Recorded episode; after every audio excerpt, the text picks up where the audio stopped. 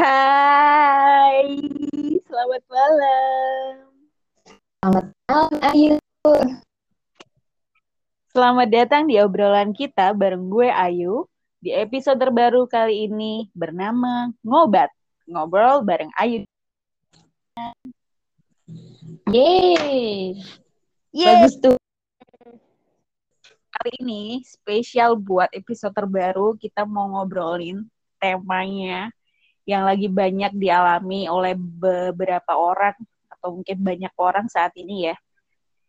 Dia adalah psikosomatis atau psikosomatik. Mungkin Apa tuh? udah jangan tanya ke gue dong. Kayaknya ini lebih expert dibicarain sama orang-orang yang mempunyai ilmu di bidangnya. Wede. Bidang apa nih? Bidang apa?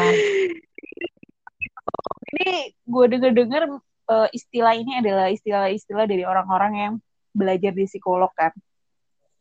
Gue mau nanya nih, apa tuh psikosomatis atau psikosomatik? Menurut lo? Oke.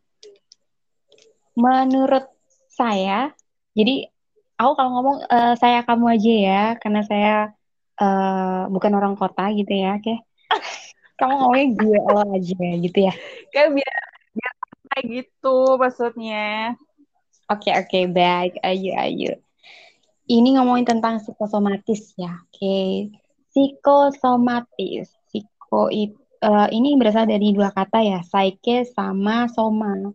Psyche itu apa? Pikiran. Kalau soma itu apa artinya? Tubuh. Jadi ini bisa dikatakan bahwasanya psikosomatis ini keluhan eh, keluhan fisik yang disebabkan oleh psikis atau keluhan fisik yang disebabkan oleh eh, mental kita begitu atau oleh pemikiran kita kayak gitu. Oh, berasal dari pikiran gitu ya. Jadi apa yang kita pikirin terus menerus tiba-tiba jadi gangguan yang ada di otak kita, terjadilah itu psikosomatis atau psikosomatik kayak gitu ya. Iya, jadi ini mulai lebih ke respon tubuh terhadap apa yang kita pikirkan. Nah, ketika yang kita pikirkan ini adalah emosi negatif eh, dan kita tidak bisa menghadapi dengan baik atau tidak menemukan problem so- problem solving, maka ini akan sampai ke fisik kita kayak gitu. Oh gitu. Oh, gue punya contoh nih kayaknya. Gue pernah ngalamin apa tuh psikosomatis dalam diri gue kan. Waktu itu kira-kira sebulan yang lalu sih. Sebulan yang lalu di bulan Juli kemarin kan benar-benar emang lagi genting-gentingnya negara kita kan ya. Karena di di eh, apa ya istilahnya di diguncang oleh gelombang tsunami COVID istilahnya dari varian Delta. dari varian Delta yang mengakibatkan banyak orang itu ber berjibun masuk ke UGD terus dengan pemberitaan ada di televisi kemudian kita juga lihat sendiri di lingkungan sekitar kita banyak yang mengalami eh, ataupun bahkan yang meninggal karena gara-gara COVID terus juga dari eh, lingkungan kita juga banyak di musola atau masjid yang mengumumkan bahwasanya banyak banget yang meninggal karena eh, adanya virus ini kan ya. Nah dari situlah gue tuh kayak takut gitu loh, kayak dengerin atau ngelihat dan nonton TV tuh kayak rasanya tuh beritanya tuh nggak habis-habis. Jadi berasa di otak terus kayak di eh, psikis itu kayak aduh gue takut nih kayak gini gini gini gini. Akhirnya ngerasain apa yang di eh, dibicarain. Misalnya gue nonton TV terus beritanya tuh eh, ini nih ada ada ibu ada anak ada satu keluarga kayak gini gini gini. Terjadilah eh, isolasi mandiri kayak gini jadi gue berasa kayak aduh badan gue panas terus gue makan kayak nggak nafsu kayak gini gini itu menurut lo termasuk nggak sih gejala dari psikosomatis gue ngalamin kayak gitu nggak maksud dari psikosomatis sendiri Oke, betul Ayu. Jadi apa yang sudah kamu alami tadi ya itu termasuk dalam psikosomatis. Karena kenapa? Kamu menerima informasi-informasi negatif atau kamu menyerap informasi-informasi yang ada di sekeliling kamu. Nah, informasi itu tadi eh, isinya adalah pemberitaan-pemberitaan yang negatif ya kan ya. Eh, yang sampai ke kamu, ke kamu, kamu olah tuh ya. Terus Hmm. ikut-ikut uh, ikut-ikutan panik di situ. Kenapa kamu ikut-ikutan panik di situ? Karena itu adalah uh, bisa dikatakan stresor ya sebagai uh, sebuah stresor. Nah, stresor ini yuk ketika kamu nggak bisa nanganin, ini namanya kan uh, distress ya. Sebenarnya stres itu ada dua, ada eustress sama distress. Nah, distress ini ketika kamu tidak bisa menanganinya dengan baik, nanti bisa uh, mengakibatkan ini ke fisik. Jadi misalnya kalau kamu tadi kan ya kamu bilang banyak informasi negatif sampai kamu kepikiran terus nih, terus habis kamu kepikiran terus sampai kamu badannya panas. Nah, itu yang namanya psikosomatis. Psikosomatis itu disebabkan oleh pikiran-pikiran kita. Jadi pikiran-pikiran yang uh, kita apa ya yang ada di dalam pikiran kita itu negatif-negatif kan dan kita tidak bisa menemukan problem solvingnya sampai akhirnya itu jadi penyakit atau penyakit fisik kayak gitu sampai ke sampai kamu panas jadi penyakit uh, psikis yang bisa menyebabkan keluhan pada fisik. Gitu oke oke padahal sebenarnya padahal sebenarnya dalam tubuh gue tuh gue nggak ngapa-ngapain. Maksudnya nggak apa-apa gitu dalam keadaan sehat-sehat aja. Tapi karena gue ngelihat terus gue denger terus di sekeliling kayak kayak panik banget gitu kan. Jadinya ikut kayak gitu kondisinya. Jadi kayak gitu ya mm -hmm. uh, pengalaman otomatis dan memang di apa ya di era bukan di era ya tapi di zaman sekarang ini iya ini banyak banget psikosomatisnya. Hmm, oke oke oke.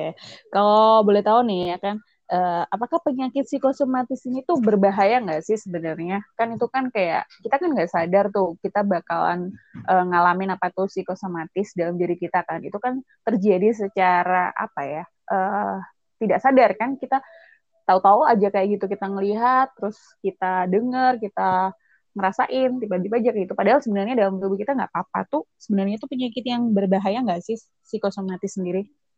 Oke, psikosomatis sendiri itu sebenarnya dikatakan berbahaya itu juga bisa berbahaya, dikatakan tidak berbahaya ini juga bisa tidak berbahaya tergantung pada penanganan kita psikosomatis sendiri kan ini kan berasal dari stres emosional atau stresor yang negatif ya, yang tidak dapat kita temukan problem solvingnya.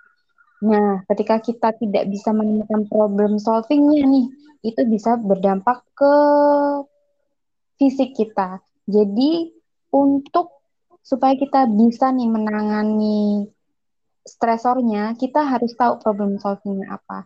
Misalnya tadi Ayu bilangnya uh, ceritanya tentang psikosomatis Ayu ini asal muasalnya apa sih? Asal muasalnya Ayu bisa sampai panas, sampai apa sakit kepala misalnya tadi ya, atau hmm. atau apa namanya gejala fisik lainnya itu kamu harus tahu dulu asal muasalnya dari mana, sumber stresornya dari mana. Kalau seumpama sumber stresornya dari pemberitaan media atau informasi-informasi negatif, berarti cara penanggulangannya atau problem solusinya apa?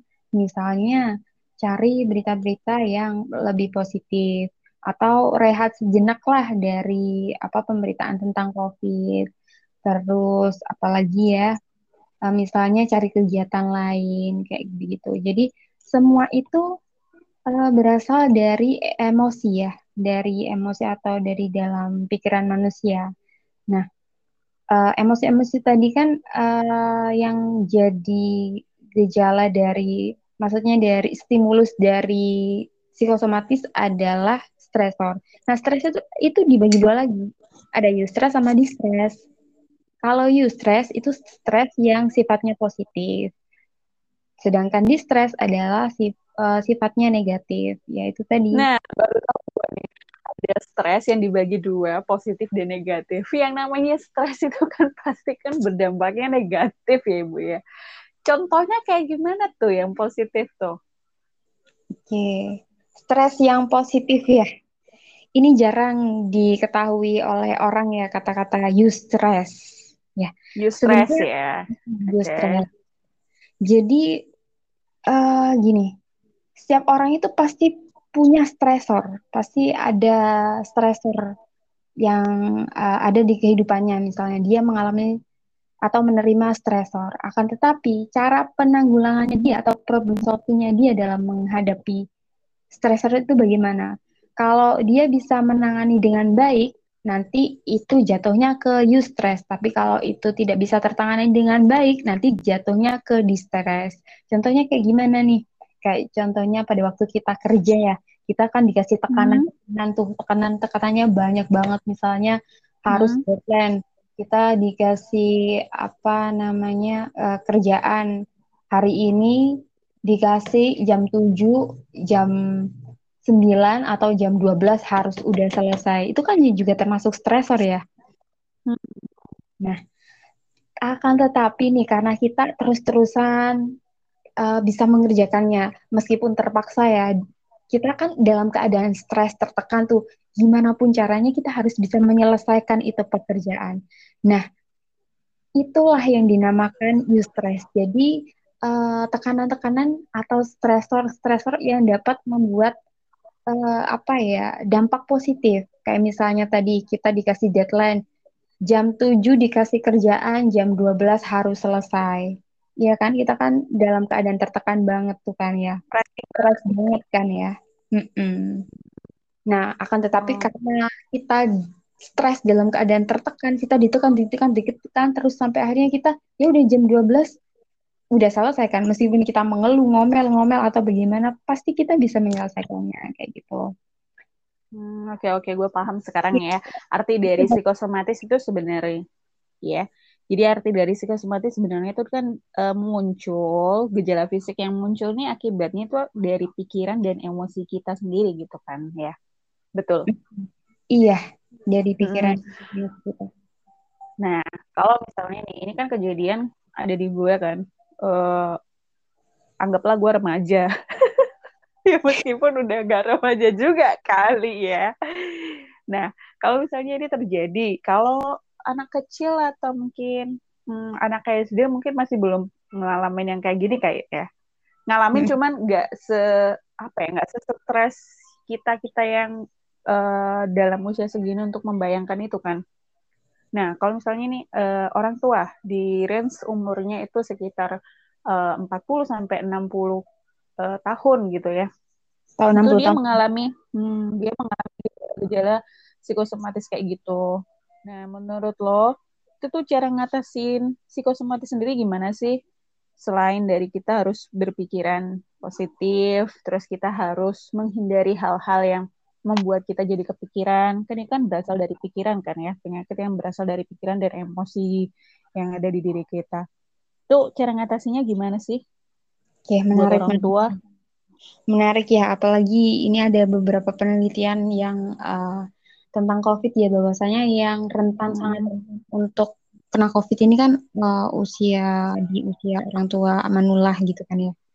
Hmm. Nah ini sih kalau untuk manula sendiri, uh, jadi dia kan untuk apa ya pengurangan uh, aktivitas otaknya juga udah berkurang juga kan di situ. Jadi memang butuh support dari orang-orang sekitar, apalagi dewasa-dewasa, orang-orang dewasa, entah itu dewasa muda, dewasa akhir, pokoknya orang-orang dewasa yang ada di sekitarnya manula ini tadi, supaya dikasih stimulus, stimulus yang uh, apa ya, stimulusnya itu berupa informasi-informasi positif, misalnya uh, kalau dia panik karena pemberitaan negatif tentang COVID, apalagi uh, apa namanya korban bukan korban ya orang yang terjangkit COVID ini eh, rata-rata uh, manula usia manula kayak gitu. Kita kasih informasi positif tentang uh, persentase kesembuhan manula kayak gitu. Yang sudah yang sudah pernah terjangkit tapi udah pernah sembuh kayak gitu sih. Tapi udah sembuh gitu. Jadi uh, dari orang tua sendiri tuh perlu bantuan dari orang-orang terdekat gitu ya supaya mm gimana uh, adanya edukasi dalam keluarga itu juga cukup berpengaruh mungkin ya buat orang tua gimana caranya buat menghindari penyakit emosi dan penyakit pikiran. Karena sebenarnya menurut gue tuh kalau semua sih, semua penyakit itu berasal dari pikiran manusia ya kan. Kalau kita berpikirnya positif, positif, positif gitu kan, uh, mungkin tanpa kita sadari tuh bisa kok sembuh dengan sendirinya gitu ya. Uh, ya mungkin karena satu karena kita punya Allah, punya Tuhan gitu kan. Jadi dari pikiran dan emosi yang ada di diri kita sendiri gitu kan. Betul nggak sih? Iya betul betul. Semua itu berasal dari pikiran kita ya. Uh, pernah dengar nggak? Bukan pernah sih. Ini kayaknya sangat uh, populer ya kata-kata mensana incorpor incorpore sano ya kan? Wede. Incorpore apa tuh? Apa tuh? Gue gak ngerti. Okay. Gue gak ngerti jujur. ya. Pernah ini... dengar, pernah dengar tapi gue gak ngerti uh, istilahnya itu apa. Ah bisa aja nih. Ayu sosok all profile ya. Oke. Jadi mensana incorpore sano kan ini kan artinya di dalam tubuh yang sehat terdapat jiwa yang kuat. Dari situ kita juga bisa tahu kan kalau memang jiwanya sehat, jiwanya kuat, maka otomatis fisiknya juga sehat gitu. A oh, healthy, oh gitu ya. Healthy body kayak gitu. Tapi Jadi ada dari kalau pikiran kita hmm. positif positif terus, nanti juga tubuh kita juga bisa sehat, bisa kuat kayak gitu. Tapi kalau kita pikirannya negatif negatif terus, nanti itu bisa berdampak ke fisik kita loh. Jadi uh, pernah lihat nggak sih orang-orang yang uh, kayak misalnya orang ceria atau apa mereka kan selalu berpikiran positif tuh. Jadi auranya bagus uh, bentuk tubuhnya bagus atau mungkin kita lihatnya tuh ih seger nih atau gimana. Ya kan? Karena dari aja bu. Ada iya ya bu. iya ya ampun kok bisa saya kepikiran seperti itu? Tapi itu yang saya lihat kayak gitu ya. Kalau orang yang uh, apa namanya pikirannya pikirannya tuh negatif, anxiety, cemas terus, kayak uh, stres atau kena beban berat atau apa banyak tekanan-tekanan, ya kita juga bisa lihat kan dari fisiknya bagaimana. Jadi kita dilihat kurang menyenangkan, mungkin bisa berpengaruh ke apa namanya bentuk tubuhnya bagaimana, cara dia uh, cara dia berjalan bagaimana, cara dia apa raut mukanya kayak gimana gitu kan. Jadi semua itu berasal dari Main pikiran. Woi, main pikiran.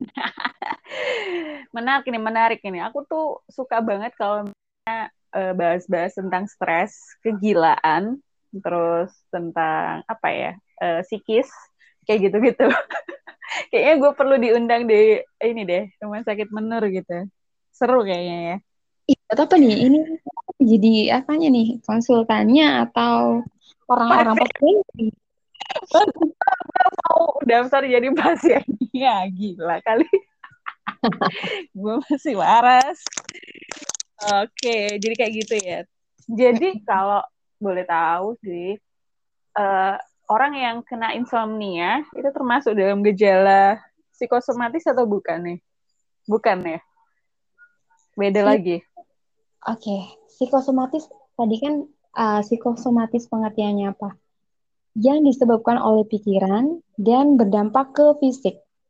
Dan itu bisa masuk ke insomnia itu bisa masuk ke psikosomatis gitu. Bentuknya dari psikomatis psikosomatis itu macam-macam. Ada yang psikosomatisnya itu insomnia, ada yang psikosomatisnya itu apa namanya sakit perut, mungkin pada waktu uh, dia nggak ujian biasanya ngerjain matematika misalnya. Ini contoh buat nah. diri saya sendiri ya. Itu saya selalu namanya berpikiran negatif tuh. Selalu iya bener. Bener banget. Bisa nih ngerjainnya gimana nih gitu stres sendiri kan. Akhirnya bener-bener gak bisa deh ngerjainnya. Iya. kosong nilainya. stres yang tidak dapat kita tangani. Di stres ya kan? Sampai akhirnya mulus-mulus kayak atau sakit perut kayak gitu itu juga termasuk oh. jalan Baik, baik, baik. Ternyata termasuk dalam psikosomatis juga ya insomnia itu ya. Dengerin tuh teman-teman yang insomnia tuh perlu adanya kesegaran dalam diri kalian untuk berpikiran positif ya. Supaya bisa tidur tepat waktu 8 jam minimal sehari ya kan. Kalau bicara tentang psikosomatis, uh, apa namanya? Tadi kan macam-macam tuh, banyak orang yang ternyata nggak ngerti dirinya tuh kena psikosomatis. Itu kan tadi cara mengatasinya dengan cara berpikiran positif, terus merilekskan pikiran kita, terus uh, mungkin dengan istirahat yang cukup atau mungkin dengan happy happy atau apa yang dia senengin gitu kan ya. Bisa melupakan gejala-gejala kayak gitu. Kayak misalnya psikot uh, psikoterapi bisa kan untuk menghilangkan gejala-gejala itu. Nah, kalau misalnya orang itu nggak bisa buat ngedefense dirinya sendiri itu, ada nggak sih obat khusus buat orang-orang yang kayak gitu? Oke, kalau misalnya tentang obat ini di ranahnya tentang psikiater ya, kalau karena psikiater ini uh, treatmentnya adalah memberikan obat, basicnya adalah ilmu kedokteran. Oke, oh, kalau oke. Okay, okay. Hmm. Kalau untuk uh, psikologi sendiri, ini adalah obatnya dari kita adalah saran-saran atau perlakuan-perlakuan atau terapi-terapi. Nah, kalau misalnya orangnya tidak bisa untuk apa namanya memberikan nasihat untuk dirinya sendiri, misalnya ya seperti itu ya, itu bisa dicari itu namanya ada salah satu terapi yang bagus untuk orang seperti apa itu. Tuh?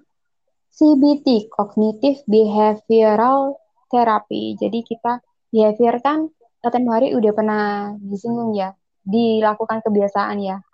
Nah, kognitif berarti kita membiasakan uh, dia berpikiran uh, kognitifnya dia kita biasakan kayak gitu di terapi itu. Jadi misalnya kalau dia misalnya hmm, dia suka nonton gosip misalnya nonton gosip-gosip kita akan mengubah dia dengan cara memberikan terapi CBT tadi.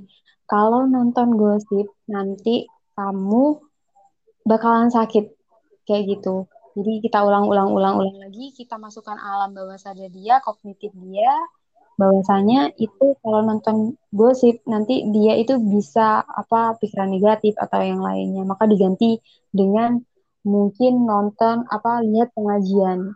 Nanti kalau kamu oh. pengajian terus kamu bisa berpikiran positif kayak gitu terus. Treatment kayak gitu tiap hari tiap hari tiap hari kayak gitu. Kenapa sih? Kenapa harus nonton pengajian? Kayak gitu misalnya. Karena banyak banget manfaatnya. Kita selain bisa tahu misalnya tentang uh, ayat-ayat dalam Al-Quran atau ayat-ayat dalam kitab-kitab lainnya kayak gitu kan. Ya mm-hmm. waduh dalam banget nih ya. Udah religius. Wah. Gimana iya semakin hari harus semakin religius ya harus semakin positif.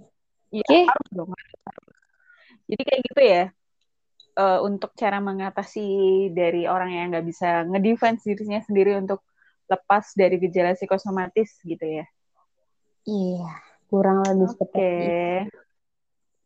Baik, baik, baik. Wah, nggak kerasa nih. Emang obrolan kita ini selalu bermanfaat. Mudah-mudahan ya, ini bisa bermanfaat buat teman-teman yang ngedengerin podcast kita tentang temanya itu psikosomatis. Jadi buat teman-teman semua yang di luar sana, orang tua, bapak, ibu, tante, bude, atau siapa ya saudaranya, sahabatnya yang uh, mengalami kayak gitu mungkin bisa di-share cara-cara yang mengatasinya, gejalanya itu kayak gimana, terus uh, penyakit ini berbahaya atau enggak. Sebenarnya nggak berbahaya ya, kalau dibilang uh, berbahaya atau enggak karena di di psikosomatis sendiri kalau misalnya ngalamin kayak gini bisa dikendalikan dengan cara kita uh, berpikiran positif atau menjaga dari pola pikir kita sendiri gitu kan.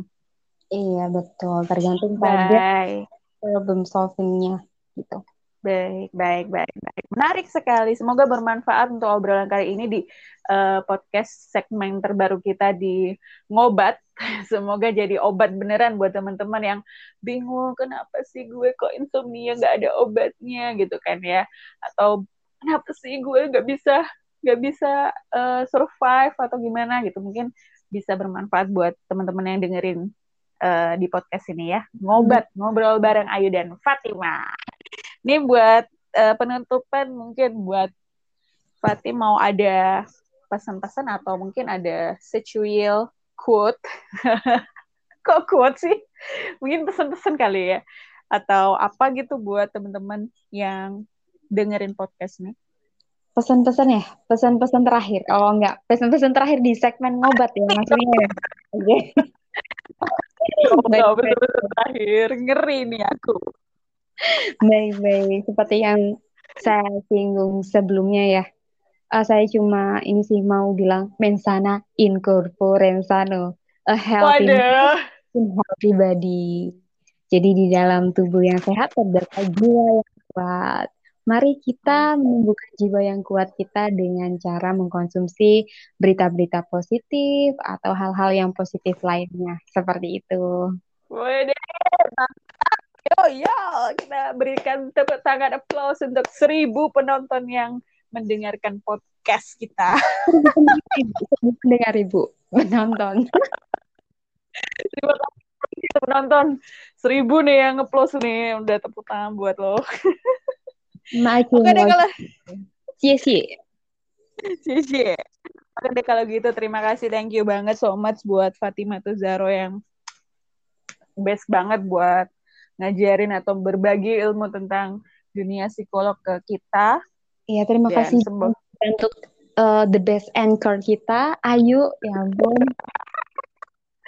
Semoga kita ketemu di episode selanjutnya di Ngobat, ngobrol bareng Ayu dan Fatima di tema-tema yang menarik lainnya. See you, bye-bye. Selamat malam. Selamat malam.